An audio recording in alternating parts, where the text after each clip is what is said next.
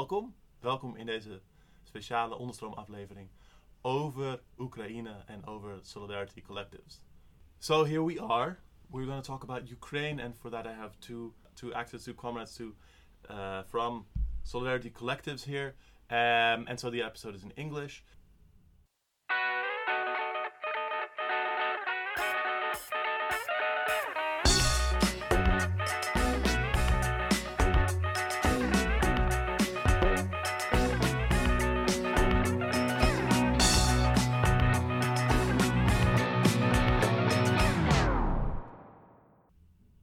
Welkom luisteraars. Deze maand gaat Onderstroom over Oekraïne en de oorlog in Oekraïne en revolutionairen die verzet organiseren tegen de Russische invasie in Oekraïne. En ik zit hier met twee uh, activisten van Solidarity Collectives en we gaan het daarover hebben. De rest van de aflevering is dus wel in het Engels, want dat kunnen zij verstaan en spreken. En dat is toch wel iets makkelijker tijdens een gesprek. So here we are. We're going to talk about Ukraine, and for that I have two two actors, two comrades, two uh, from Solidarity Collectives here. Um, and so the episode is in English, and um, it does not count as current events, which is against the rules of my podcast because this has been going on for a while, or maybe because a rule is to break. Um, I'm very uh, happy to have you here, both Mira and Malina. Welcome. How are you today? Thank you. Okay, how are you? Yeah, um, tired from from the nice book fair that Mhm. happened here uh, on this weekend, um, the Anarchist Book Fair Amsterdam.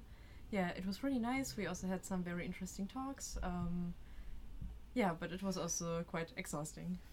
Yeah, yeah, I can I can imagine. Um, I only did a small talk, and I just otherwise I was just networking with people and stuff. So, but if you have like a program where you're constantly talking, and also you have like the the, the pressure of the war going on, like constantly in your mind, and of course we, we're we're trying to talk about a very serious topic that. Um, for some people, have kind of left the news now, and I'm not exactly sure when this is going to be uh, be broadcast. But um, the war's been going on for a while, and and there's a lot of uh, terrible things going on, but there's also a lot of misinformation, and um, and we don't often hear about what uh, what revolutionaries and what anarchists are doing in this conflict, also, and um, and so I'm very happy to have you here today to explain these things and talk about it, and uh, also to catch everyone up who's listening. So what we talked about, what we want to do is give a short recap of like the, the conflict, um, and then about uh, your work, about the solidarity collectives, and about like the the uh, internationalists and on the about the solidarity collectives, and about the uh, the anarchists and libertarian militants, revolutionaries in Ukraine fighting against the Russian invasion. And then as we as we talk, we also dis- discuss parts about like uh, the situation with uh, with Russia, also like the the frustrations that you get when you try to support and organize support in uh, in Ukraine. So by no means a fun episode, but I'm very looking for much looking forward to your uh, to your perspective. Do you want to say something about yourselves and your before we begin? What do you want to know about us? What do we want to know? I don't know. Is there is there something that uh, that helps the listener kind of kind of understand what kind of person you are? What kind of what like maybe maybe also like what is your relation to solidarity collectives or? Um, yeah, so for me, Malina, um, I um, like originally I'm from Ukraine, but I didn't grow up there. So uh, I grew up in Western Europe, and um, I guess my perspective on like all the topics is also like shaped by by this, um, or like by yeah, kind of growing up in between of these two places, and um, yeah, so the work um, yeah I'm involved with is mostly informational work. Yeah. um, Yeah, I'm from Ukraine, from Kiev, and uh, before the full-scale invasion, I was taking part, like mostly in two more or less big projects. One is like ABC Anarchist Black Cross Kiev, so we were like helping uh, refugees from Russia and Belarus, like political refugees, to set up their life in Ukraine, to have legal help if they need or want, because there are people who didn't. Like, for example, people who principally don't want to collaborate with state on the topic of having new documents. Mm-hmm. Uh, we also were like busy with uh, having some amount of money in a case of Nazi attacks, or like uh, so we have support for people who are wounded, because for sure we had some fights with Nazis too, or not. Mm, not all the people, but more like our anti-fascist, local anti-fascist people. We were also doing like more solidarity with uh, Russian and Belarus comrades because they had a huge chain of repression last 10 years and also in Russia for a pity we lost many comrades because of Nazi violence and murders Mhm. of uh, anarchists and anti-fascists in Russia it's around 10 people like uh, who was killed before Russia declared themselves as a very anti-fascist state which is not very funny. Um, yeah, so we were doing this. Uh, yeah, usually ABC groups uh, doing more like support to local prisoners, but the thing is that we didn't have much, and we never had long term during last uh, years. So No. no, we didn't. So yeah, Yeah. we okay. were more working to support comrades who are coming. And also, I was part of organization of anarcho-feminist festival, which was called Good Night Macho Pride, and several years we were making it this every year event and they one of the main aims was to kind of connect western left with more like left from east of europe or like kazakhstan armenia georgia. Mm-hmm. and yeah ukraine was the good place for that because nobody needs visa to come to us. Yeah. neither from this none from that. So we were doing this. And um, with the beginning of invasion uh, as we were supporting these um, comrades from uh, Russia and Belarus mostly. Yeah, I uh, found myself in the situation when people who we support actually want to go to army because we have Russian and Belarus comrades who joined uh, army in Ukraine to fight for us, for me, I don't know, like for us all, for our freedom. Uh, so we just cha- I just changed to keep sup- I mean to do more or less the same to keep supporting them just in different situation. We also plan to support the ones who will wish to go out from Ukraine, Mm-hmm. but from the beginning I think only two people from who we supported did it, Yeah. and one for repeated committed suicide in Poland. Okay. Wow. So we don't have this part of job. We have, yeah, I mean solidarity collectives now. It's Yeah, more, yeah. that direction. Yeah. Clear. Okay. So that that paint, paints a clear clear clear picture also uh, to show like the, the kind of because like what what you do now with with the war is uh, in many ways very different from what, what people here in the Netherlands sort of experience and and so to see that like before this you would you would uh, do much more of this sort of prisoner support and this um, uh, uh, refugee aid and also this uh, narco-feminist kind of festivals and things like that we are much more familiar with like the uh, it's interesting to hear. And uh, so it, at this podcast what we what I usually do is we tell stories like from the ground up so that if you don't know anything about it yet you can be a bit involved. Or if you've heard things from like a diff- five different media sources and you have like a story from hearsay you can hear like a complete thing here so that you have an overview. And so um, can can you can you give us a bit of an uh, uh, like a, an overview of the the war how it uh, how it started and like some of the phases up until where we are now? Um, it started in, in 2015 after Maidan uprising, mm-hmm.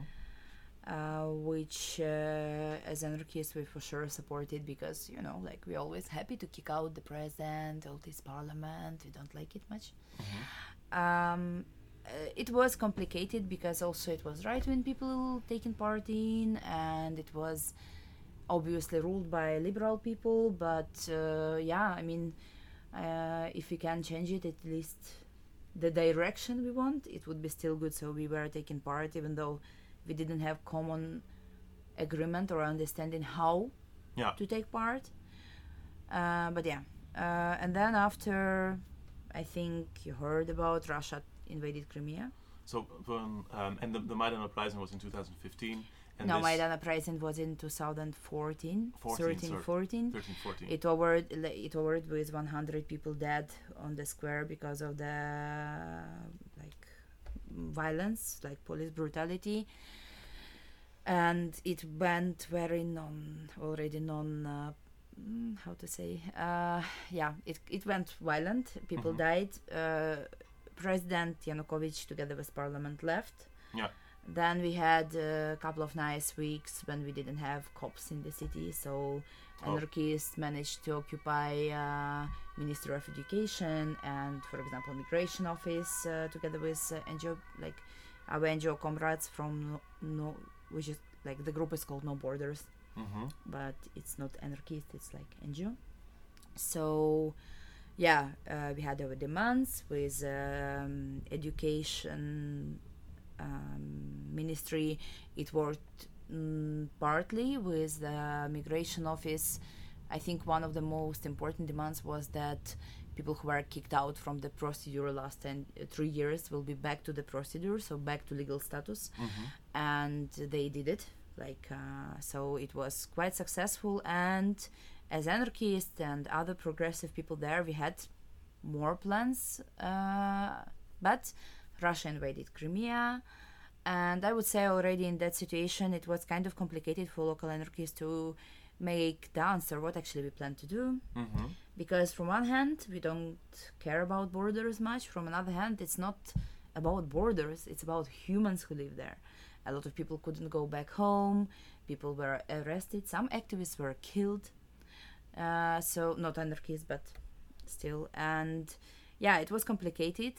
And then russia invaded donbass which was already much more violent according to united nations i think it's around 13,000 people died uh, during uh, years of conflict like on war in donbass. And yeah i think we were more or less discussing it not having common understanding of how we should react till almost late 2022 Mm. but uh, when we understand like it was that yeah maybe it's possible to over it with some peaceful agreements for some part of people for some part not and yeah i was for example one of the people who was like yeah it's better if nobody will be murdered so maybe just like it's frozen and let it be but now we see that if you are feeding the monster it becomes more hungry so Mm. they will not stop that's the problem Mm. and yeah uh, closer to 2022 when we understood that they are going to maybe try to make it bigger or make a full scale invasion that they want to oppress any progressive powers in the whole region. it's actually not about only belarus ukraine russia it's also about kazakhstan for example where Mhm. in the end of t- uh, 2021 was the huge uprising and kazakhstan power just asked russian forces they came there and stopped it hmm so yeah i think that slowly it became common understanding that we are in the situation where we don't have any other uh, any other possible solution than fight Yeah. and i would say it's common for the most of the comrades uh, from belarus and russia too so yeah then russia attacked we woke up f- from bombings. Hmm and people started to do what they should. Yeah, And um, um, and so the the war um, has seen some some uh, uh, movement of the of the front, but for a lot for a lot of time it's been quite um, like recently it's been quite quite stable. Like the the border between the occupied area, like it's been fought over, but it's not been moving a lot, right? it's not moving a lot uh, in, i mean it's uh, in some places uh, ukrainian army has some progress i know that in avdiivka now is hardcore fights hmm and the city itself does not exist I mean, it's not not possible to leave it anymore Mhm. to to to stay uh, for civilians.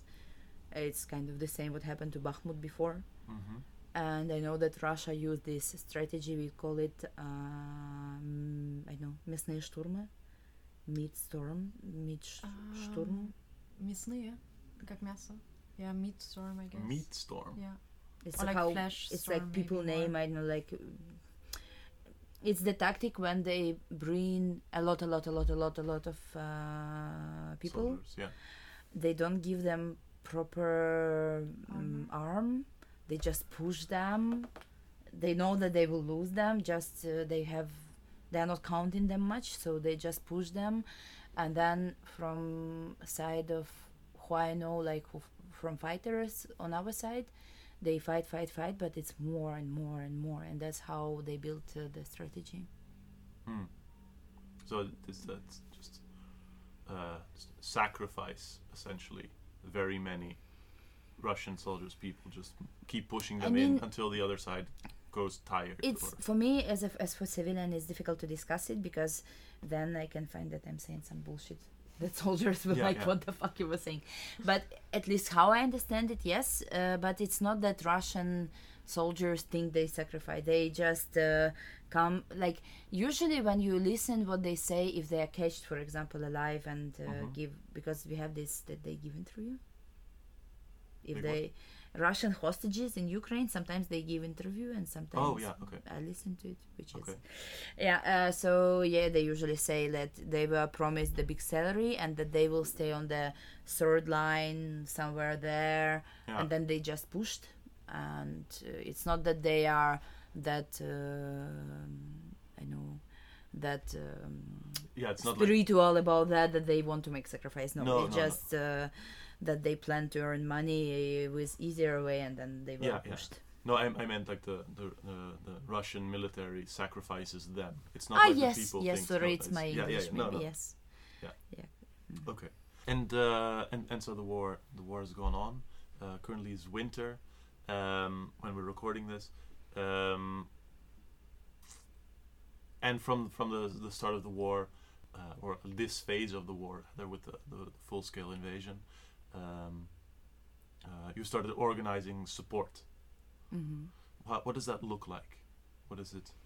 Uh, we How have a work? group of people. For the moment, uh, the collective which I'm taking part on is called uh, Solidarity Collectives. We ho- also have uh, the other ones. For example, like uh, we have collective which is called Good Night, Im- Good Night Imperial Pride, which is doing more or less the same thing as we do. So we have the group of people who try to collect money and to support people in Ukraine. Uh, Mhm. we have. Uh, part of group who do it around the needs of uh, civilians. So you have we have humanitarian group inside. Uh, that means that they collect uh, requests from locals on mostly pre-frontline territories or on south, especially after flood, after explosion of dump. You know, in summer it was explosion on them Yeah. Uh, so and bring like buy what people need Mm-hmm. bring it to the territories. Also, we have um, comrades who work with uh, worker unions, with syndicates there, and uh, also try to collect their needs and bring help. Uh, sometimes it's even like uh, products like food, Mm-hmm. Because uh, as Russia bombs uh, strategical or whatever, like in- infrastructure, Yeah. it means that workers are actually losing their job places. Mm-hmm. Uh, and it means that then families don't have food. Yeah. So yeah, it's um, that people bring needed. Also sometimes food for animals, and uh, we have also military, mm, like militarna, like military department, which works on uh, also collecting money. We have Mhm. even different bank accounts for that two reasons, uh, and buying things needed for soldiers.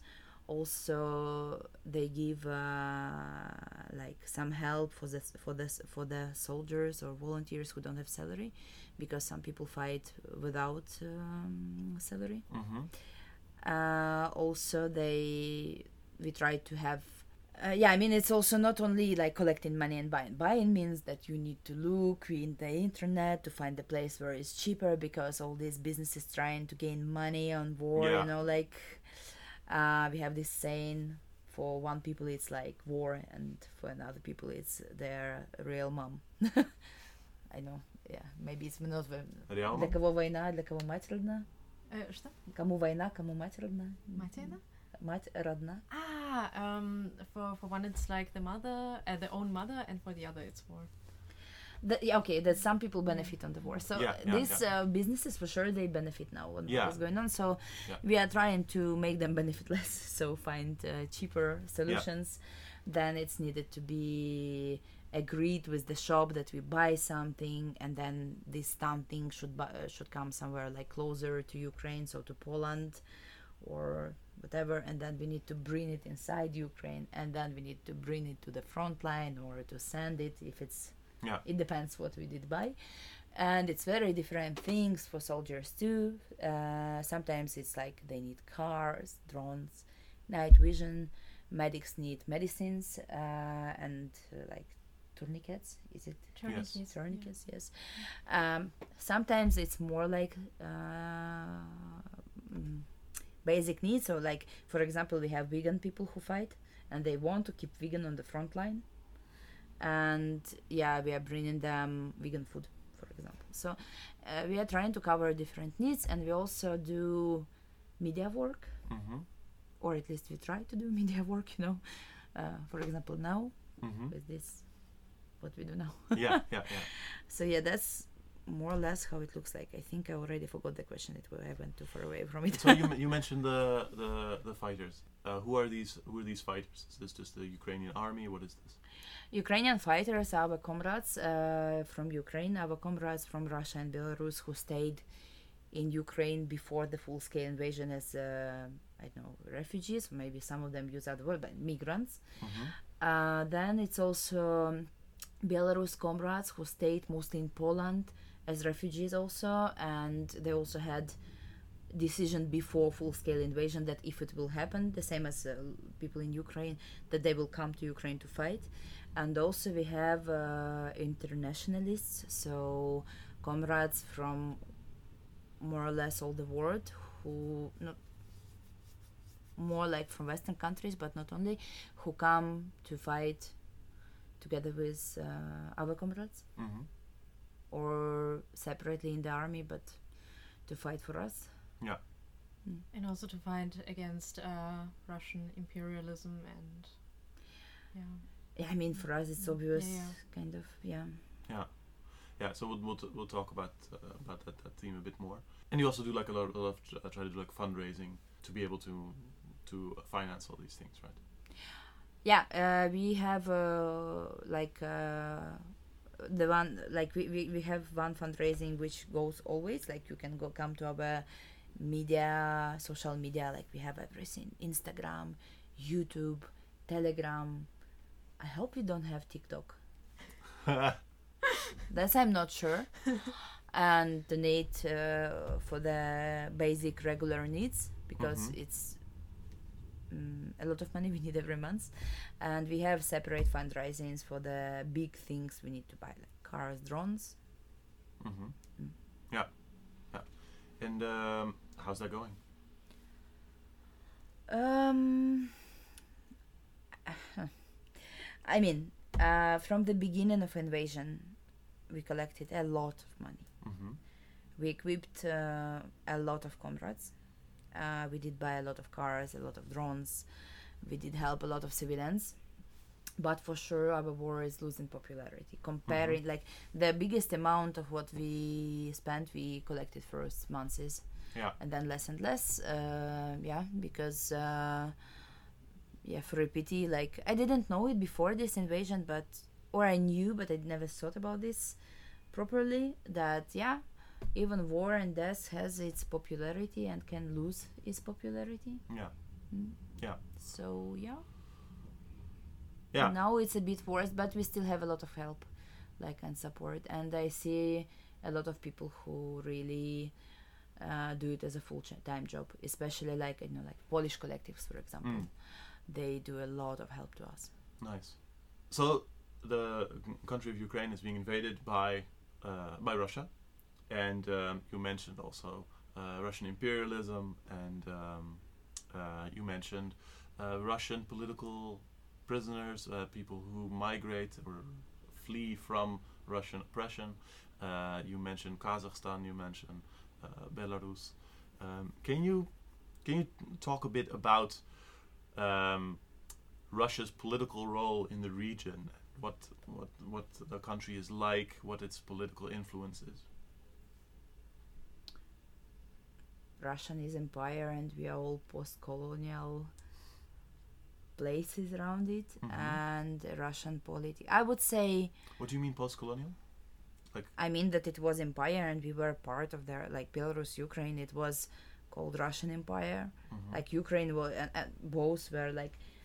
Uh, part of Ukraine was uh, Russian Empire, and part of Ukraine was uh, part like part of Rzeczpospolita, like Polish Empire when they had empire, and part of Austria, Austrian-Hungarian Empire. So more or Mhm. less, our history is being uh, oppressed by our neighbors all the time. We are not very lucky with neighbors historically. Mm. Yeah. It's a lot of empires around who wish to eat and to enslave people. And yeah, we have a huge story with slavery and also Germany, you know, like we were also twice occupied by Germany. I mean, it's not very good historically what happened there. And uh, no, it's a, it's a it's a dreadful bloody bloody history. it is.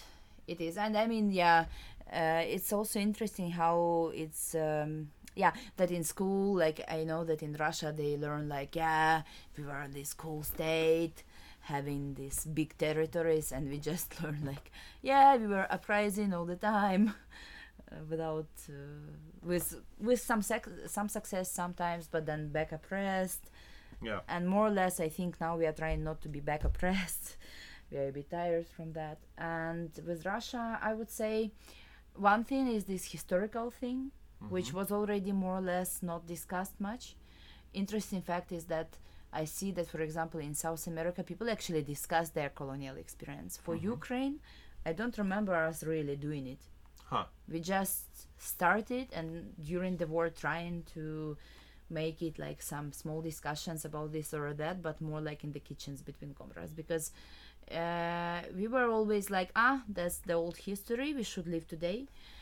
But now we see that uh, yeah russian authorities but also a lot of russian people just say yes it's our territories. Uh huh. yes uh, we want them back Mm-hmm. make Russia uh, get up from its knees, make Russia great again. Let's gain back territories, and we understand it's kind of uh, dangerous. But I would say that uh, Russian politics was uh, since like Soviet Union fall apart was always like this. It was two Chechenian wars, it Mhm. was two wars in Georgia, Moldova, but each time it was some some good reason. They do it not because they're imperialist. With Chechnya, why they did it with Chechnya? Do you remember? With No. Chechnya, because Chechenians were killing Russians in next villages. Mm. They just needed to do it. No way, they were making terrorism because of Islamism. That's it. Yeah. Yeah. There was no. Uh, what happened? Supposedly there was no. What happened to Moldova? Why? I don't know. Why? Uh, they are Nazis. Oh, okay. They are Nazis. Do you hear often now about Moldovan Nazis? No. Not. It's because Russia took Pridnestrovia and stop them. You know. Hmm. Uh, Georgia. Why they attack Georgia? I do. I, phew, so this is this is my Western bias. I know very little about Eastern Europe. Uh, It's because they were like aggressive toward minorities in uh, Georgia. That's why they took the land, not because they just are fucking imperialists. Hmm. I doubt now. Yes. Why actually they did take part in uh, killing people in Syria?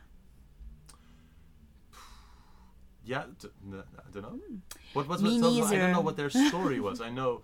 I know that uh, the Russian mean, state has supported Assad for years, but the reason is that it's an imperialist state who is trying to gain back territories, Mhm. gain back power and influence, not only around it but in the world in general. Yeah. Yeah. So that's more or less our relations with our. yeah. yeah. and so we have a um, this this theme something co- comes up, of course, often is that um, um,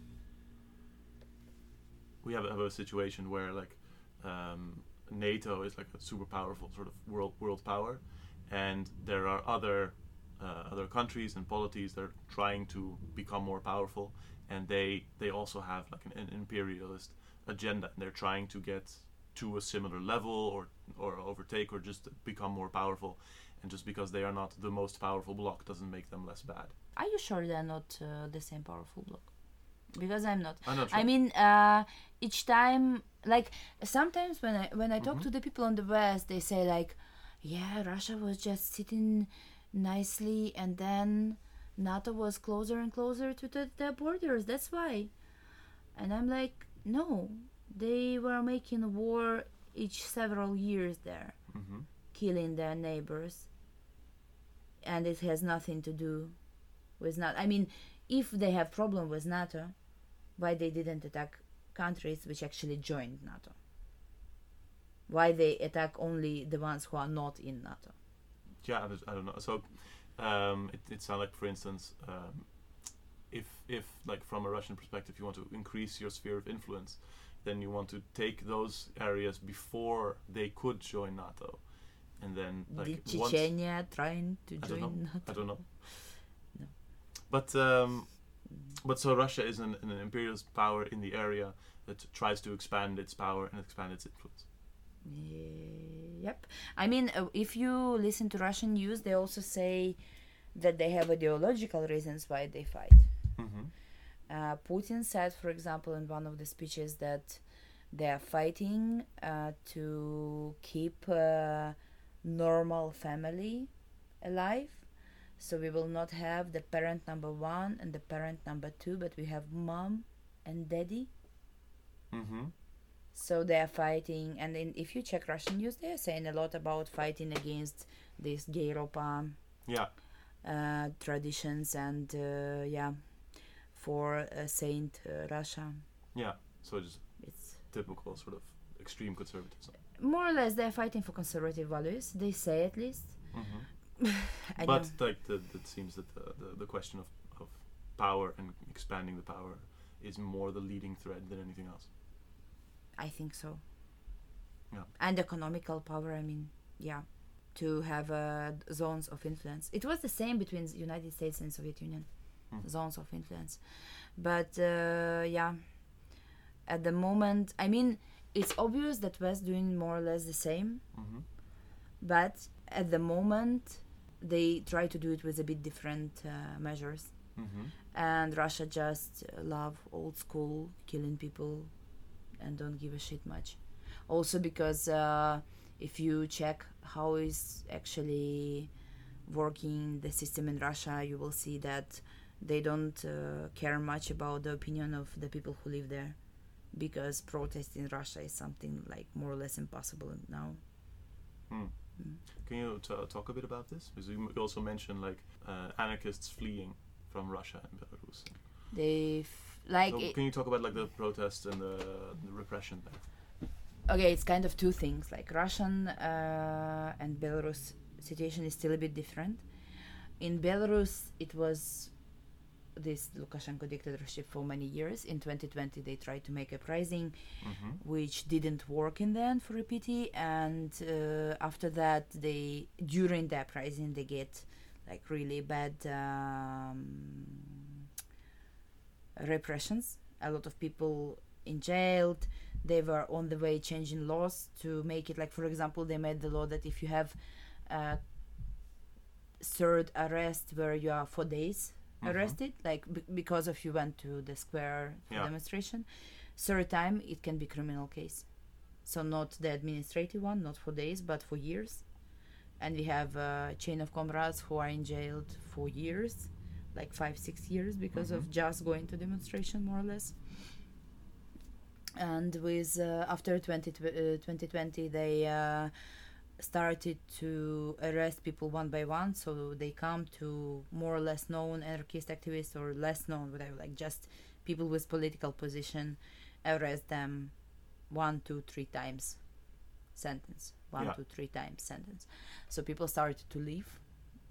Uh, it was people who left before with other criminal cases, but in 2020 it became like really mass thing, and it's not only about anarchists; it's just about everyone who was against Lukashenko regime. So people are fleeing massively. I I'm not sure about amounts, but I hear that one million people left, and Belarus is nine bil- million uh, population. So Hu- yeah, huge amount. but I can mistake. We should check. Actually, it's interesting. Uh, If you have this podcast, I think you can Okay. make then remarks if maybe I'm mistaken. That's what I heard from Belarus people. So uh, that's the one thing. Uh, during the invasion, it's also changed. For example, like uh, in the The beginning, invasion in uh, in Ukraine. yeah, invasion in Ukraine, because I mean, Russia and Belarus function now as more or less one thing. They invaded with Belarus territory. They were bombing us from their Belarus territory, so it's clear that they are kind of allies. And uh, in uh, 2020, in Belarus, it was several initiatives who were trying to prevent uh, using the Belarus land uh, for attack. So they were doing sabotage on railway Mm-hmm. uh, so it would be less uh, easy for Russia to bring tanks, like you know, like uh, Yeah. army staff and uh, army like soldiers. Belarus changed the. Lo- I mean, I don't know if you people know here because for me it should be very well known, but Belarus still has and used death penalty. And at the moment they changed that not only for terrorist act, but also for attempt to make like to plan terrorist act. Okay. You can have death penalty. Okay. Just, okay. Just a death penalty just for. they um, didn't use it yet that direction but uh, yes they changed it that for attempt to make a terrorist act and for example this railway thing is a terrorist act in their opinion uh, you can have death penalty my. So uh, and they arrested people who did it. At least once it was very much into news because they also shooted the guy's knees and it was very bloody photos of this arrest. So yeah at the moment it's still belarus uh, partisans who function. They also have this group belaruski gayun which is publishing if um, russian army moving here or there if technic technic is moving. So they are kind of active uh, in the region still but uh, yeah for sure belarus regime making it more and more impossible with uh, russia i would say it's um, in belarus it's kind of clear what you will have for what, and it, with russia they are developing even without changing the, the law Okay. it's just that for the things before the, like this like for example they made this new law which is discreditation of russian army Okay. and then you never guess what can be actually the discreditation of russian army for example like i think last week uh, this uh, uh, sasha skochilenko got uh, seven years in jail uh, for changing stickers you know in the shop you have stickers like Mhm. pepsi cola or whatever like sneakers and she changed them for it's our army killed in uh, bucha or uh, it's uh, we we sent them to die or blah blah Yeah. blah. And some older lady she called police when she saw her ch- changing stickers so she was arrested. And even though she has a, a huge health problems like heart problem problems uh, they gave her seven years for changing these stickers because it's discreditation of russian army But the, so, so this is any any criticism of Yes. the invasion just counts as this. yes more or less you say um, we attacked them or we bombed the civilian building Mm-hmm. yeah it's discreditation of russian army i'm against war can be the discreditation of and it was before that they also could not say the word war actually it's not war it's special operation it's very Orwell Special story operation. I've heard this. Yes. it's special military operation it's not war and uh, yeah uh, they in general use very interesting language with this uh, отрицательное отрицать как там отрицательное нападение какое-то А, я всегда слушаю только а, нападение. этих- отрицательное наступление когда они отходят А, it's like when they go back in fight mm-hmm. they are not saying we ran away they say we are neg- negatively attacked Negatively attacking, yeah. We're negatively attacking. or they obviously going out and they like we re- regrouping Yeah, yeah, we, yeah. we made so yeah it's Hmm. interesting how they use the language now Yeah. too. Um, and so all these all these refugees coming. You also also mentioned that these um, uh, people from, from Belarus and from from Russia who, who came to Ukraine. Uh, some of them also now fight against the invasion. Mhm. Um, um, and you and you mentioned all these terrible uh, all these terrible punishments and repression. Um, um, and so you you you you are anarchists. Um, why are you fighting the invasion? Like, because when you see how it works in Russia hmm for sure like if we want any positive changes in the future we should have the possibility to act. In russia this possibility is almost like cut it out. There are still some groups acting but it's really few and they all the time in the huge risk. Hmm uh, in ukraine it's still state neoliberal capitalist but there is the possibility to act. Yeah.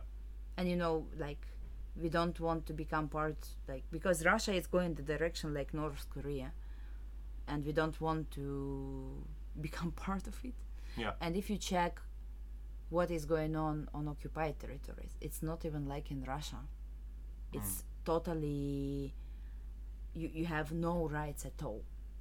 You can forget about any human rights. You can forget like uh, this uh, so-called lugansk republic in some point made this death penalty for being gay Mm. like then they kind of covered yeah. it and can uh, like uh, i mean it's awful what is going on there Mhm. they kill people they make these filtrations to check who is activist they check your tattoos uh, they check your phone if they catch that you do something wrong in their opinion uh, you will go via tortures. You might be murdered. You can be sent to who knows where siberia and then left there or in jail there. Uh, they also steal kids.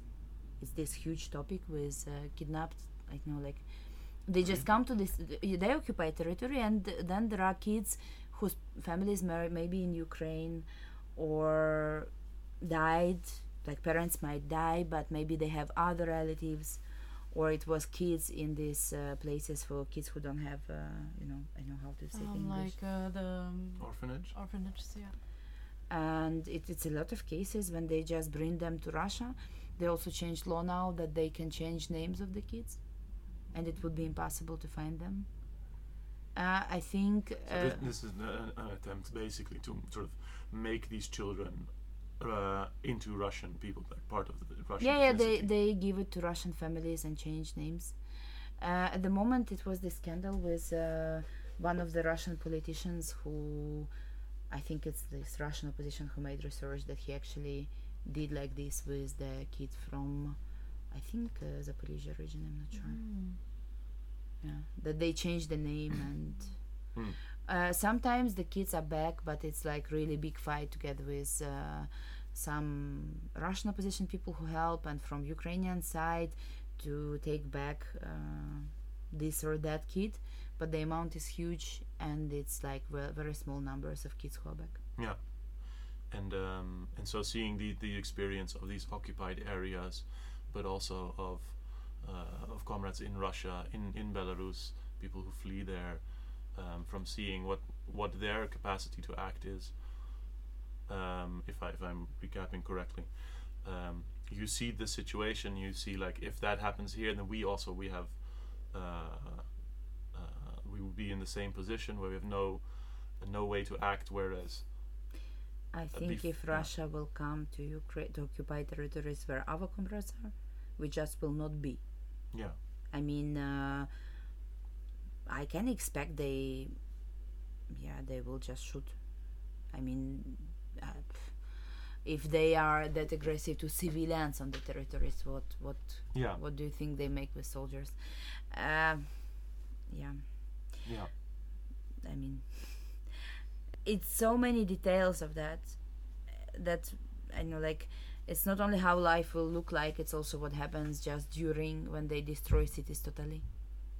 Yeah. When they murder, it was cases of rape, also of dehuma- Dehumanization. dehumanization, Yeah. I mean, but I think I, for me, I, I'm not sure about talking about this because I don't want also to be like Ukrainian uh, official news just showing this all blood all the time because Mhm. it's war. I mean, Yeah. it's not. It's it's awful to say it, but it's not very special. It's war looks like this. Mhm. Uh, and for sure, like one is that like good or bad is life in Russia is one thing, but we just don't want to be occupied and oppressed. Yeah.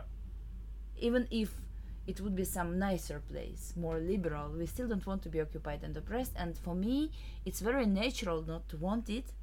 Even if very good people want to make war, kill part of you, occupy and oppress you. Like if Yeah. they are very liberal, mm, I know, like maybe even left, like Yeah, I yeah. still don't want it. so, so for me, it's a bit strange to Yeah. look for fact, like you know, they're kidnapping. But if they will not kidnap you, so we'll think no, no, we will not think about being occupied still.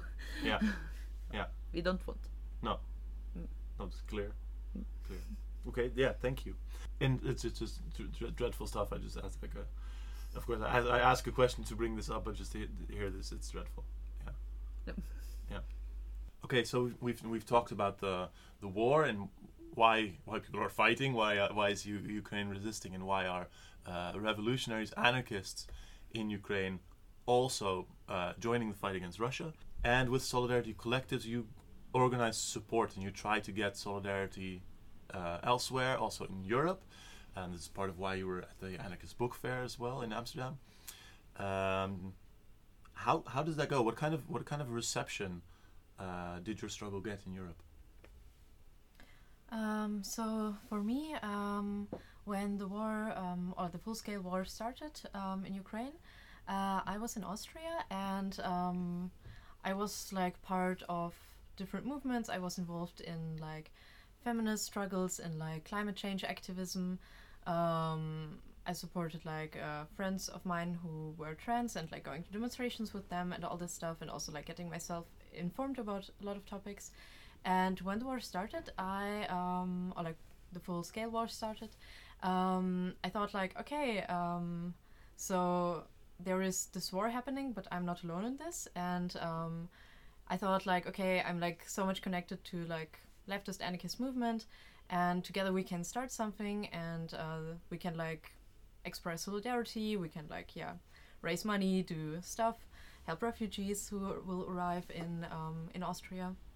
But uh, yeah, unfortunately, it came quite different because um, like uh, when I think at some point uh, the first plenary about like what to do uh, about the war in Ukraine. Uh, it happened like um, in Austria, like maybe two weeks after the start of the full-scale war, Mm-hmm. and at that time uh, I had a knee injury, so I had like it was for me pretty tough to get to this plenary, like on the first point, but I was very happy that um, like something is happening. Yeah, and then I went there and um, was like, hey, okay, come on, people, let's go to the main train station. Let's help refugees because um, the main train station company they um, didn't allow to like give out free food uh, there, and we were like, or like I thought like, okay, let's go there. Let's like give out free food, help people with like translation um, to change the train. I proposed this, but um, yeah, people were like, yeah, no, we cannot do that because actually first we have to discuss NATO. And I was like, what? And I was super confused by by this and like the whole plenary it lasted like 3 hours and we were only discussing um, kind of like NATO and how bad NATO is. Mm-hmm. And out of this plenary, like I went out of it and I was just crying. I was like sitting at home after that and like not really talking to anybody because I was in sh- such a shock that people would not even be up for like showing basic solidarity with refugees. Mm-hmm. Um, but they wanted to like have some theoretical discussions. And um, yeah, and this was like the first situation where I was like, okay, maybe it was just like this particular group of people who happened to be to be there. But then there were like more events um, about Ukraine, and every time it just ended to like NATO is bad. We have to act against NATO.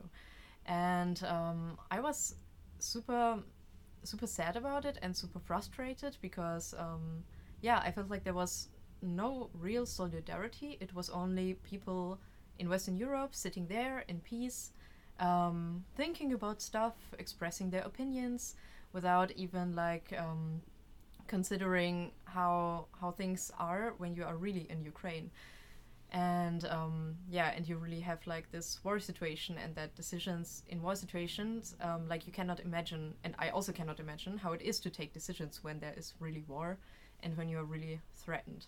No, I know. I think it's. I mean, I understand what you mean. It's also interesting that it depends really on where you're going. If I go to Poland, we may agree, disagree, we may discuss things, but I don't feel Mm-hmm. like I need to fight to prove that I'm not Nazi or not fascist or that we deserve to have help or that we deserve to have trust. Mm-hmm. No, we are just comrades. Maybe some things, sometimes. I mean, for sure, we are not agreeing in everything. But I don't have a feeling in the room with, full of comrades that the space is extremely unsafe and I should really control each my word because then somebody will catch one word and Mm-hmm. and when you go to Poland, it's like this. Uh, it's quite okay. Czech Republic, Litva, Lithuania, people understand. Finland is even better because they have their own experience with uh, Russia and they know how aggressive it can be and how violent it can be to be attacked by Russia. But then you cross the border to Germany or to Austria or to West in general, France. And then you don't know because most of the people, like part of the people, would be super nice and super supporting. Most of the people would be la- rather at the moment, before it was a bit different, would be rather not maybe that interested, but still kind of polite and uh, saying that they regret what we face now. But then it would be people also who can openly attack, like when I'm saying my comrades went to fight, my comrades, my friends, Mm-hmm.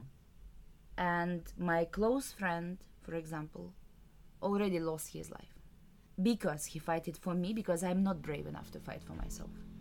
I cannot take harm. Yeah, I mean, for a pity, war is very who is who moment. Also inside, like. And then the person will shout to my face something like, "No, you cannot call yourself and your friends anarchists because you are fighting for the state." And I'm like, "No, we are fighting for the people." No, they fight it and died for the state. Yeah, and I feel like there's just a complete misconception in like Western Europe about what solidarity is, because people in Western Europe tend to like explain people in Ukraine like how they can be good anarchists and what like anarchism is, and uh, decide if they are like bad or good or like not anarchist or like whatever. And I'm just wondering like how people um, have the courage to like decide like especially anarchists who are like so much for like um, everybody should like decide for themselves what they want and how they want to deal with the crisis and this concept that people are like no now i decide what is the best to solve like this conflict in ukraine it's like super confusing. And i i really don't know how people take the courage to like say such things. And i mean for for me the situation is that i think like people in Ukraine should decide on their own how they want to deal with the conflict. If I want to show solidarity, then I am supporting them in their decision. If they decide to go to the army because maybe they don't really have another decision, then die or or like yeah other things. Um, then I can only support like them in this decision. If people decide to leave the country and to evacuate, then I will support them in this decision. But I would like never judge who is a good anarchist and who not and call that solidarity like this is completely crazy Even people who are fighting, I see that they are not judging much the ones who decided to leave. Mm-hmm. It was never that somebody from comrades in Ukraine would say me, "You left," because I left Mm-hmm. in the worst moment. I mean, I expected they would say like, "What the fuck." Yeah. No, never. and it's it's so it's so it's just like like like you say it's just it's just baffling that you're uh, you consider like comrades who are in that situation who say like we, we see we see what's going on. We, we it's about our situation and we, we see this is this is what what we want to do. This is what we see as the option. And and also it's not like I don't know some random group suddenly says now we we are anarchists and these are these are people who have been uh, organizing in in Ukraine since before the war. And you know they they make this choice. They make this based based on their knowledge and their situation. Like you, you trust them. They're their comrades and they are in the situation. You trust them what they do and you support them. Um, like the the the, the, the patronizing attitude like that somebody completely outside this would know it better is just yeah. I mean, we also had these comments that, yeah, you don't. You have yesterday. It was also this person. Yeah. Like, you have lack of. I- mean, it sounds like from good. So you have lack of resources, also emotional resources. So maybe we will, uh, you will fight there, or you will not. f- Like whatever. Like you will, you are Mhm. busy with your emotions, and we will make the process of uh, discussing it and making decisions on it as uh, people who have resources on the west Yeah. and who are, I'm like, just trying to imagine the situation when they come to uh, females or non-cis males saying like, "Oh fuck, you are so yeah emotional about gender topics. Maybe you will be uh, resting, you know, and uh, cis male people can make decision for you." Yeah, that's you know that's yeah, like it, yeah, it's, it's just completely baffling. Like it's it's, it's very interesting when you when you make this comparison because this is literally what happens, right? In in, in in struggle for trans care in the Netherlands, there's this there's this whole thing where they say like, no, the person cannot decide for themselves, and so there's a very small group of specialists who are allowed to decide, and that's why we have these huge wait lists, and all these people don't get any kind of care that they need. And this is a this is a problem, and this is the thing that people in the Netherlands struggle against. And then this argument goes, but when it's about about this topic, then suddenly it's. Uh, and I'm not saying I don't know who the people are who say this, but like if you see the comparison that they make, that the same kind of argument is made, like um, you are not in the emotional position to be able to make a real judgment about this because you're so close into it. That's like it's, it's baffling. I don't I don't know where where someone could get. You said courage, or like the like where do you get the audacity to say Yeah, that? Where do you where do you get the the word. arrogance to to make an argument like this? Yeah. Yeah. And yeah, it funny. is a feeling a bit that they judge us if we are good enough and anarchist enough to give us support because we are dependent on you know like on help. Hmm. We are. I mean, you cannot make it different. And I know, like one of the arguments against us is often how you will make the social revolution from this war. I have a question. How will you make the social revolution from this bourgeois society? because I feel we are closer to this possibility, to be honest. Hmm. You know, I don't remember historical example when life was so good and stable that people made the revolution. No. No, but also like the the um, um, if, like if people are so if so if people are so clear and so decided, like why why then so often do they actually not not have a clear plan forward? Why are they, you know, struggling in the way that we are now in the Netherlands? If they know it so well, right? And I mean, if they know it so well, I often, when people say, and they say it very often, from the first event I made in March 22 in Berlin, they say, you should fight, you should find the other way to deal with the situation. And I'm asking, what is your proposal? Mm-hmm. and it's like fight your bourgeoisie ah very nice how it will stop rockets coming fight nato um i mean yeah good idea but how and Mhm. i'm saying like the only way is we are fighting the ones who came to kill us. Mm-hmm. Yeah. if my friends will not fight them i will not survive already in the beginning of war rather. Mm-hmm. and they say yes but. And this yes but i i listen to yes but all the time. Yes but no for me it's no but. That's the problem. It's only yes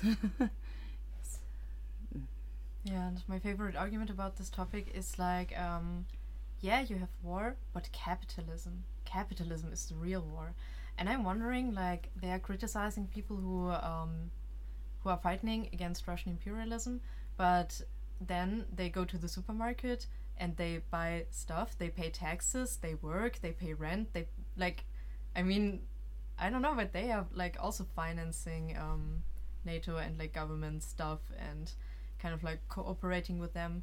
And I wonder, like, yeah, why why do they criticize people who basically defend have to defend their lives while they support government structures just for like a Yeah. more comfortable life? Like, it's it's it's like this. It was interesting because you have, you have this um, you know this meme template maybe like you have like this uh, this uh, Monty Python peasant or whatever, and it's like, well, wow, this uh, this society is quite oppressive, and there's somebody that's like sitting in a well, going like, and, y- and yet and yet you participate in society, and there's like if you if you compare it like to your situation, like. Um, there's just all this bombardments and just armies invading. And it's like, phew, this uh, this invasion is very shit, and I'm trying to defend myself. Ah, but yet you are partaking in the war, right? It's this this yeah And they say they are like usually people who attack us they uh, would say we are anti-militarist, and I'm asking who am I? I mean, I think me and my friends are anti-militarist. We are fighting the huge war machine hmm who came to kill us, and I know uh, for me it's more effective than being anti-militarist, uh, sitting under protection of NATO and um, making uh, discussions. I don't know, like how practically you do it. What what are your goals and how you kind of cover them? hmm What how you check if it's effective what you do? Like, uh, I mean, yeah. And so, for instance, um, we had an earlier op- uh, episode on this on this podcast in Dutch about like the the arms industry, and like within Europe, there's a clear clear development that the arms industry and European governments and such are uh, using this this conflict as they are trying to use everything they can to increase army budgets and uh, roll out more repression, etc., etc. Um, they are trying to use the conflict this way, but and that that is a thing that that's happening and which is you know also bad. But this this is no no basis to criticize people defending themselves against, right? There's no there's these things are happening at the same time, but there's like um, your fight is not less less worthy because uh, Lockheed Martin is trying to use you somehow. and I mean, our fight is impossible without help because Russia has unbelievable resources, human uh, resources, rockets, bombs. At the moment, Shahed drones, like the day before yesterday, they used uh, 75 Shahed drones against us. You know what is Shahed drones? It you know Tajmak. like it has bomb, it can come, babach, and you're not alive anymore Mm. like or several of you or your home is not existing anymore and they make it more and more they develop the industry they Mhm. have enough of money also because these sanctions are half fake because they keep doing keep selling. Europe keep selling arm to russia. Yeah. or details not arm like arm but details we are third countries. And it's not a topic here. I don't hear it like criticizing that actually we still support russia which is obviously right wing which Mhm. declare like uh, that they are anti-gay that they are anti-trans people they have new law also forbidding these transactions. Yeah. uh, they uh, make wars they kill but it's it's not a problem. It's not a militarization. It's not i mean that's kind of very strange thing that all the discussion is going kind of one direction. Mm-hmm. and then they say we cannot make analysis because we are in war but what stops people here from making analysis what is the reason because i mean i understand why this rhetoric appears in conservative left Mm-hmm. but why an authoritarian left kind of repeat the rhetoric? That's for me is unclear why. Ah. Yeah, it's quite often when I come somewhere and I uh, see that people already have opinion or Mhm. have statement, and I'm always curious where they did find the facts on which they built their theory, on which they build their opinion, because like when I check pages of it, like in the beginning, I didn't have really any resources to do it. But now, when some new groups contacting, or when, uh, especially after a couple of events, when I come somewhere, like for example, Ljubljana, people propose me to come to have a speech there. I come to the place, and two hours before my talk, they publish the statement that it's war between Russia and NATO. Ukrainians there do nothing except dying, kind of. And I'm like, no, no, we are alive. Part of us died, but they didn't just die, they were fighting. Mm-hmm. And for a pity, they died. Yeah. And I always like, then I check, and for example, with Ljubljana Collective, they made the statement 24 of February, like in the very beginning, they very, were very fast. Some of them are not that fast, like some other groups, but it's like people make the statements with very clear position. They are very sure. They have demands. They have uh, their opinion, and they didn't even try to ask us what we think, Mm-hmm. how we see the situation, being inside. They, I'm not even saying about traveling there because you know you don't need visa to go to Ukraine. No. It's uh, possible to go to less dangerous place. I mean, for sure, all the territory sometimes they try to bomb, but I mean, you can. Yeah, we will. n- None from us, from us, will live always, like forever. So uh, yeah, I mean, sometimes you can take some danger if you are very interested. If you are that passionate that you make statements, then whatever. But at least to talk online Talk with the people who are in it. are there. We have internet. Even fighters, actually, with this crazy Starlink stuff, they have internet. Mm. But people even don't try to talk. That's why I say, like, they are stealing subjectivity from us. About, there are, like, clear decision in the movement that it's not cool to make, like, it's not cool for men to make decisions for women. It's not cool but there are topics on which like yeah we should ask people who are directly taking part in or influenced by Yeah. and with us we are not needed i mean i'm trying to understand why i mean do people really think that we are these stupid and uneducated people whose opinion is not counted like uh, why they are not talking to us. Mm-hmm. why they don't take into consideration that we have a movement. Yes we are not that big. Yes uh, we were always in quite bad conditions. Uh, but we are there. We have our decisions. We have reasons why we built it up. It was not fast. We had a lot of discussions on these topics.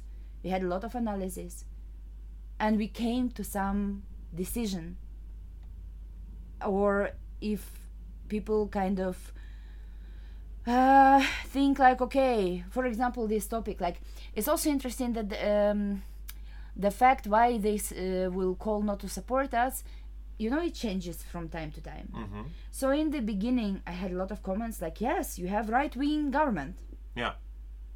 and i'm like we have capitalistic neoliberal whatever but i mean i can co- call, call any government at the moment right wing in this uh, word more or less Yeah.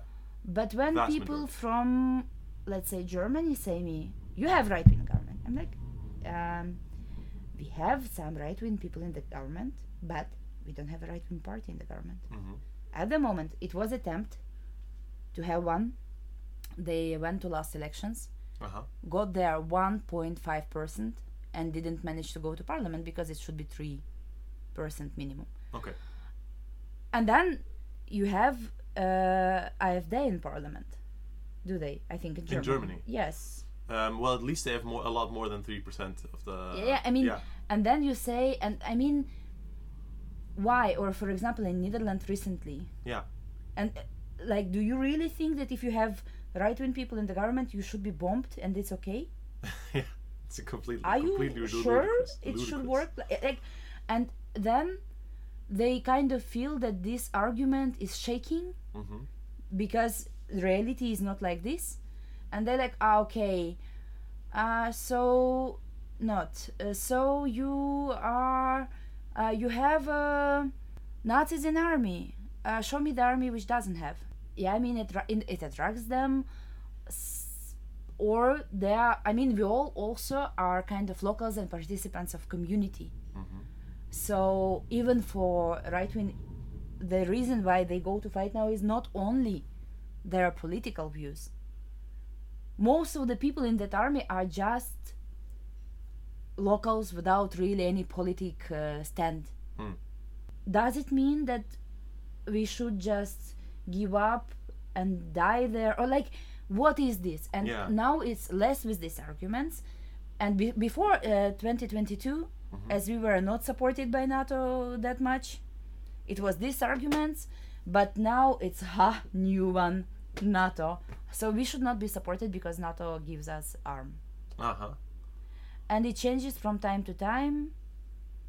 And people just behave like ah that one is bad, so we will not say. Nobody says now like oh, okay we made a mistake. No. It's not true. That what we were saying is not true. No, they just stick to new ones. Hmm. And Yeah. I mean, I know like it's kind of unfair and cruel not to take into consideration our decisions. It's uh, not very clever also not to check where you have your information from because Russia is super active Mm-hmm. with making propaganda not in, only in, inside Russia but everywhere. Yeah. and I know like uh, maybe like if I will find the information about I don't know like Netherlands. Yeah. something. What in my opinion what should I do in this situation? I should find contacts if I don't have some in Netherlands and ask people who I trust. Who are people here who I trust? People who share my values Yeah.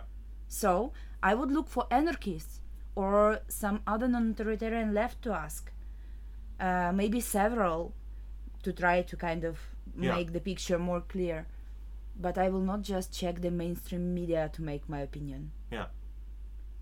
Yeah. So And so you really feel this lack, like people don't don't don't ask.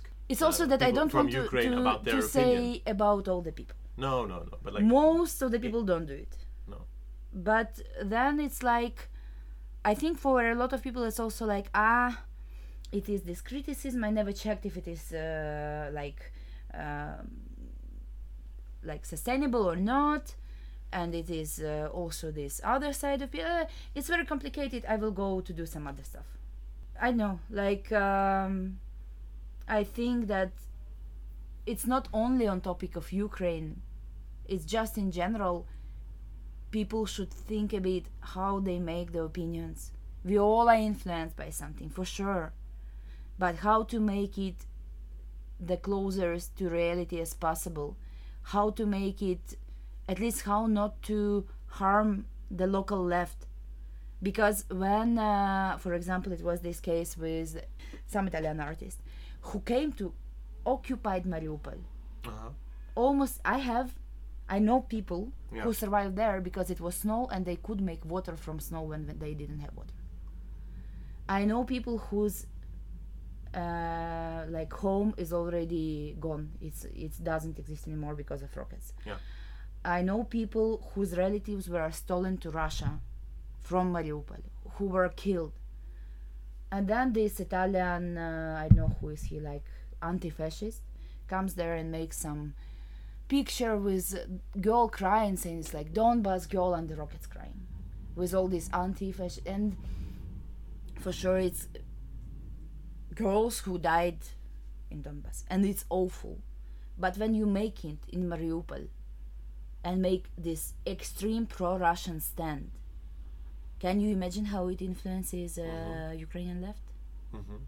Yeah, it's like- for people in Ukraine, like, ah, okay, this anti fascist symbol is something connected to Putin and supporting Putin propaganda. yeah.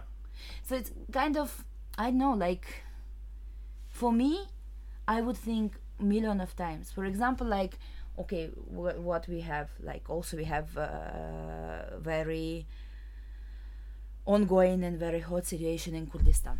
Mm-hmm. Yeah. and i cannot say that it's very far away it's uh, that i have i know people who fight it there and i know people who are from there I, or i met i don't have friends from there but i met people from there. I may have not understanding something. Something may look for me like ah is it good or bad?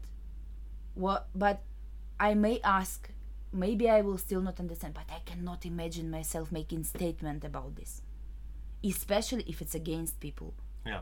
like i know like i think that it's connected to how we grow up and how much we feel that we can make decisions for other people and uh, how much we feel that we are more educated clever and possible to make decisions about other people's struggle. Hmm.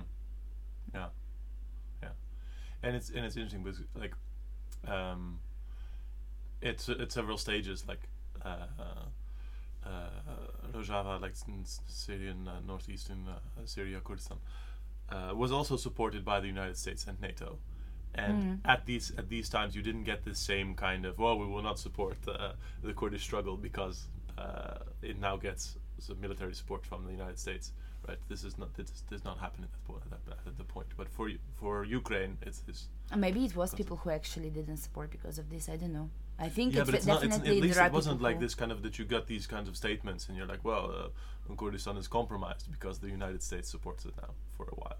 and then people still stay in Europe under protection of NATO. Sorry, but people who stay in Europe they stay under protection of NATO, Yeah. making their opinion about uh, Kurdistan and about Ukraine. And there are people who fight it in Kurdistan who come to fight for Ukraine. Yeah. Um, I know. Like uh, I also I think at some point I understood that I find myself in the movement which is so unagree in many points. Like we don't have common base on many topics. You know, With whom? in general in the movement. Some, I mean, there are internationalists who come to fight and who lost their lives to fight for me, Mhm. to fight for my freedom. And this fight for us, it's not only about freedom and survivance of Ukrainian people, which for sure is the first point, but it's also about attempt to have back more freedom for Russian and Belarus people. Yeah. And for Kazakhstan people. Yeah. And for, I think, Armenia and Georgia involved. Mhm. Like, um, yeah, it's not only about Ukraine. If you check our web pages, people who fight it and died for us Mhm. were from so many places. Two of them were from Russia, Mhm. one from Belarus. And with Belarus, I think it's one of the most cruel. We cannot say the name, we cannot show the photo because regime in Belarus make revanches to families. So if the if the if the regime in Belarus finds out who this person was, then their entire family is in danger, and so Yes. you cannot you cannot mention this person's Yeah, name. yes. You cannot give them honors and rights, and you cannot let the family know what happened. Or Mm-hmm. Yeah. Yes. And also, what about our in jailed comrades in Russia and Belarus? hmm They got terms till 20 years. Do Yeah. we do we really say like okay uh, because Ukraine is supported by NATO we will just uh, give Putin possibility to win and we will kind of sacrifice our comrades staying in their jails to just stay there because I don't feel we can do it. No. No. Yeah. Yeah. Hmm? yeah. Maybe it's a good moment also to mention this other person you mentioned. This person from Russia. Uh, yeah, I mean, I think that for me, it would be good if people would check uh, the videos. We have it on our YouTube, Solidarity Collectives Ukraine. It's and I several. will post I will post links under the under the podcast also. Cool. It's several videos also with fighters, mostly with fighters. hmm Uh, one of them is with uh, the person whose name is Dmitry Petrov, and he um, he was he was. Uh, it, I would prefer to ha- say he's, but he was the Russian anarchist. One of the most active. I Mhm. would say he was the most anarchist anarchist who I ever met, and also very Russian person, you know. And he was one of the most radical too. Uh, you can find articles in the internet about all he managed to burn out in Russia before leaving it. And Mhm. then he went to Kurdistan to make the research. He was an anthropology scientist Mhm. and he made the research about uh, Kurdish people and how they built up the society there, how they built up the fight, uh, what are their ideas, what are their values, and he made a book Mhm. uh, published in Russian, and I think it's the most accessible information about in Russian, which is like uh, struct- structuralized, so you can kind of, if you are interested in topic, you can check. Yeah. Um, because I mean, a lot of Russian-speaking people they actually don't speak, even comrades they don't speak English, so Mhm. you know, like it's good to have uh, something in Russian Yeah. it would be nice to also have in Ukrainian, but at the moment we have this book. And he went after he went out from uh, Rojava, he uh, found that he might be on a criminal list in Russia. Mhm. So he decided that he, he understood he cannot go back, back uh, and he decided to go to be in Ukraine, even though he could be in any country, like make documents. But uh, his idea was that it would be the easiest to be still connected to uh, Russian struggle and uh, to local situation if he will be in Ukraine. And he became one of the most active between us. Also, he was doing a lot of projects. Yeah, and in the beginning of invasion for him it was not a question that he will go to fight it was not even a discussion he was sure that he will so he went to fight he joined uh, territorial defense which we had in the beginning in the Mhm. beginning it was all the comrades in one territorial defense uh, because it was possible to sign like okay i want to be to go to this exact one and Yeah. the commander was anti-fascist comrade of us too Yeah. uh, who also fall in battle last year and uh, in 19th of april uh, this year he also lost his life in the fight in bakhmut together Mhm. with uh, comrades from ireland and united states comrade chen comrade harris so yeah uh, i think that he was yeah much more talented in speaking than me for example. And you can check the video we have on our youtube where he is explaining himself. Mhm. and he made two of these videos. Twice he was explaining why he thinks that he should fight uh, for freedom of people in ukraine in russia in belarus in kazakhstan why he decided to go to army why he decided to join army to be a combatant and also you can check his letter because he left us letter in case he will die Mhm. uh, with some i know advices for future Okay. so yeah you can check dmitry petrov and i think his story is really very much illustrating why we do what we do and what we want to gain from Yeah. this fight yeah. Thank you. Thank you. Um, yeah, so do do check that out if you want to hear more, because we've talked a lot about this uh, this this uh, criticism, like well, um, if the war in, in Ukraine and Ukraine is supported and armed by NATO, or NATO plays some role possibly in why the war exists. There's all these army bases around Russia that are uh, American or, or NATO, and and, you mentioned that sometimes this is used uh, kind of as an argument against supporting your struggle. Oy, it's used. I mean, yes, uh, for NATO now it was I, it was kind of uh, good for them to make uh, it like they support Ukraine. I would say that it's really interesting what we call support. Yes, they give arm. Mm-hmm. It's not that they give all the arm for free, but they give arm. But for example, cruel United States also gave arm for allies in Second World War. Do we think they shouldn't win or they shouldn't be supported in that Yeah. time like uh, why why it was okay there th- in that time and not okay in this time Yeah, same Un- with same with unclear because yeah. i mean it was so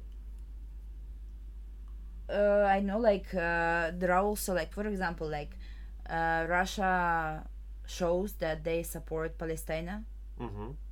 and russia is cruel and it's an empire and dictatorship Yeah. but it doesn't me- make me think that it should be the reason why i will not support palestinian people Of course not. so for me uh, this argument i see that russia uses it a lot Mm-hmm. But why left and the west repeat it that's a difficult to say i mean i think it's better for you to think like Mhm. that's that's the part which i Yeah. really not um, Yeah.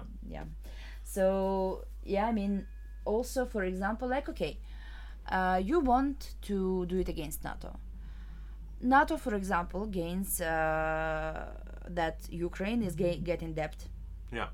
deeper and deeper to debt Yeah. And then nato will gain this money Yeah. do people on the west to protest to cancel the debt because we proposed it in some point i think I haven't seen it. mm, maybe practically it would be more i know like um close to the aim to do something about nato gaining uh, benefits from this war than just i know then then what do you do actually about nato at the moment i mean maybe maybe canceling the debt would be Yeah. good So there, like, there are there are like protests against the uh, uh, expansion of the uh, uh, military-industrial complex in Europe. These are small small things that are happening, but there are actions around this. But for instance, the way uh, like this political chokehold on on Ukraine from NATO, uh, using the the dependence and the, the weapons as leverage. This is not not something that I've I've seen. Um, and again, also like the um, so in in, an, in another episode we had a talk about like the, the, the arms trade, and they they use this crisis to to ramp up um, uh, the the budgets and to make sure that the to lower the the controls on where weapons can be moved and and all this kind of thing. And this is this is a problem. This is not good. But um, but that is not like a reason to not support Ukraine. Like those not at least especially not you guys. I mean, it's not uh, only place where NATO producing arm for for, uh, for, Mm-hmm. but I hear in Europe only about Ukraine. Yeah. And I'm sitting here because actually Netherlands gave us these Patriot systems for you for Kiev, and when we are bombed, this Patriot system push the bomb out, so bomb is not coming to Mhm. my place. I mean, Yeah. physically my place. When I was at home, pieces came to the roof and to the yard. Yeah. And it's good that it was pieces, you know. So, what do they propose to us? To say we are that much against NATO that we, we will call that we that we will call NATO not to give arm to us? Like, Yeah. where is the logic in this process? Maybe it would be nice to research where else they actually sell, not give, but sell, and stop them from selling and earning money on that. Maybe it's better to call to cancel the debt. Maybe it's better to think about uh, the ways which practically will work. I mean, against NATO if you want to do it against NATO Mm-hmm. uh, and not work against Ukraine. Because sometimes I feel that I am NATO. I'm coming somewhere and people start this NATO topic all the time. I mean, Ukraine is not even part of NATO. Yeah. Like, I know. Yeah. Finland became part of NATO and it's not attacked. It has border with Russia, like Yeah, yeah, yeah. nose to nose. So maybe if you see all the picture with who becomes NATO and who not, who is attacked and who not, you will see that war is not with NATO. War physically is with Ukraine, Mm-hmm. which is three times smaller if we talk about population, Mm-hmm. which is I don't know how many times less money resources, which doesn't have this huge production of arm as Russia does, Mm-hmm. And Russia is also supported by Iran, uh, North Korea. With China, it's all the time the topic. So it's not that Ukraine is this powerful super NATO something and Russia is poor just fighting back. No. So maybe I know like the problem is also I think I think that when people use these arguments and they use this and this and this and they just fight with some people it's just pointless to discuss it because they already have their opinion Yeah. and they will fight for this opinion until uh, whatever Yeah. like uh, it's also that like yesterday the person who was uh, like uh, making uh, comments on the event about ukraine the person said that actually the fact that europe supports or europe united states the west supports ukraine uh, means that they spend money on war in ukraine which for me on the survivors of us even though they do it not from generosity but in fact which makes salaries and pensions here smaller. And i think in that point i at least happy that he actually saying the truth that Yeah.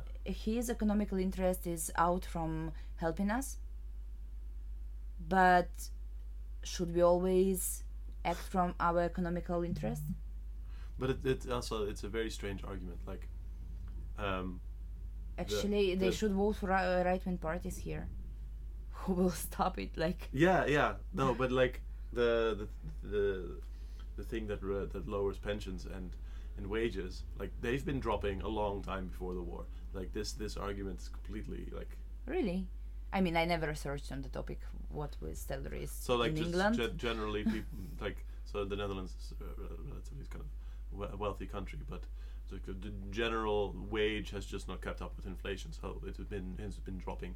Pensions have been hollowing out for uh, uh, for for decades, um, and this is something that is a product of the, the, the political system that we live in, and this happened long before the war in Ukraine. So I don't I don't know who but that, but like i mean e- even if even if it's connected i mean it's still that i know it's also lower because of uh, social money uh, may, they may say it Mhm. or because of other expenses because of uh, need to i know like pay for some ecological products should we cut that all just to make uh, yeah. I know like uh, that's a bit um, i'm a bit confused when we talk on this topic to be honest. Because it's like i need to advocate all the time why we should not be left with this cruelty alone. Yeah. And yeah i mean if people will act only from their interest and yeah i mean our comrades also could leave. We have a lot of female soldiers who could leave but they decided to fight. We have these uh, internationalists who came and they are paying not with their salaries they are paying with their blood and lives. Hmm and yeah when i hear that somebody is paying with money i would prefer so much to pay with money. Yes. I want to thank you. I want to thank you both. Um, uh, so much for uh, for being here and uh, for talking about this uh, uh, this topic and and bringing out also this, this very heavy stuff as well as the the the frustration and the I don't know the strange strange strange confusion and and um, and just just baffling baffling positions that you run into. Um, um, which which are a small problem compared to the actual war and invasion, but still like, yeah. Yeah Um, thank you for your interest um, a couple of times throughout the episode, we've mentioned um, links to other media and videos and uh, resources. So if you are go- interested in learning more, please check it out. Um, there's a lot here. Is there ways that people can help you? People who are hearing this and saying, "Oh my God, yes, of course." I mean, we have less and less resources, also money wise, and it would be nice if people will donate because we need to buy food for soldiers, we need to buy vegan food for vegan soldiers, we need to buy medicines for our medics who help uh, wounded civilians and uh, militants uh, on the place. Ah, we need to buy so many things and they're expensive, so we definitely we need money. If people want, they can uh, try to get to contact to us and maybe uh, to collect some help, not money, but for example, like it was German collective who collected just some sleeping bags and stuff for civilians Mm-hmm. uh, via the newspaper advertisement, and it was a lot. I think they collected like two trucks of stuff just in one city in Germany. Yeah. So the the possibilities here for sure are big. Yeah. Much bigger than in most of the other places. So it would be nice if people will uh, pay attention. It would be also nice if comrades will fight in their local struggles and try not to get into Russian propaganda or any other Mm-hmm. uh, propaganda as much as possible. I think it's impossible to do it like 100%, but at least. Yeah. And I think it would be nice if people will, uh, yeah, be interested. If people who are interested will try to help us to spread our position on what is going on. And yeah, I mean, in general, be against war, Yeah. not only against NATO, be against war and militarism in general. Mm-hmm. That would be good. Thank you. Can you mention the channel? Yes, so um, for uh, people who want to get like more information on this topic and um, yeah, read some articles um, that are like from different perspectives. In February, there will be a kind of like info campaign on a Telegram channel. The channel is called Alerta Stop Russian Propaganda, and the campaign will last from the 1st of uh, February till the 24th of February, February which will be the uh, like yeah day there uh, is uh, two years of full-scale war in Ukraine. And yeah, feel free to subscribe and to yeah to to use the time to like educate yourself on all these topics. And um, we'll also include a link so you can uh, find it as easy as uh, as possible. Yeah. Thank you. Thank you. Thank you. Thanks again. Um, and uh, people at home, I, uh, uh, I hope you found it interesting. And uh, we'll be back here next month.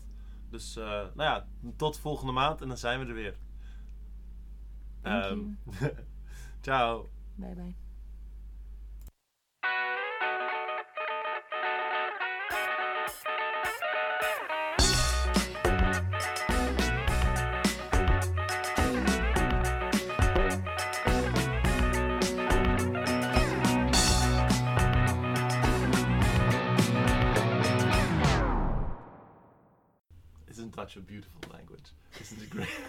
It's like German.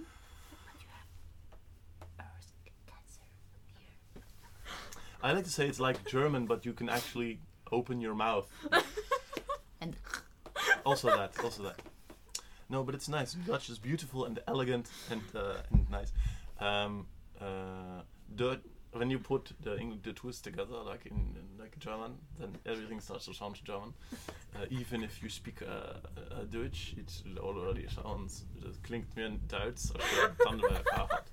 En wij Nederlanders doen gewoon de mond open. Het is gewoon, hey, hallo. um, and that is the difference. That is the difference. feel a bit going crazy. Um, yeah, what was what was in those cookies? I have no Um, idea about language, but I have the habit to try to understand Uh-huh. still without like. So, do you know the word besom? Besom.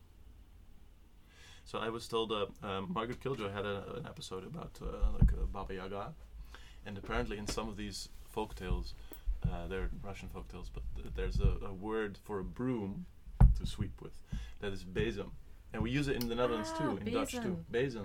Yeah, Ah, Что это? uh, Mitla. but so apparently this is a word that in some. Oh, you Slavic- mean um, to fly? Ну, ну, ну, То метла. есть Вот, знаешь, на которые метле под- подметать. летают. Да-да-да, ну, бейзен это метла или бейзен. yeah, yeah, yeah. Anyway, Mm.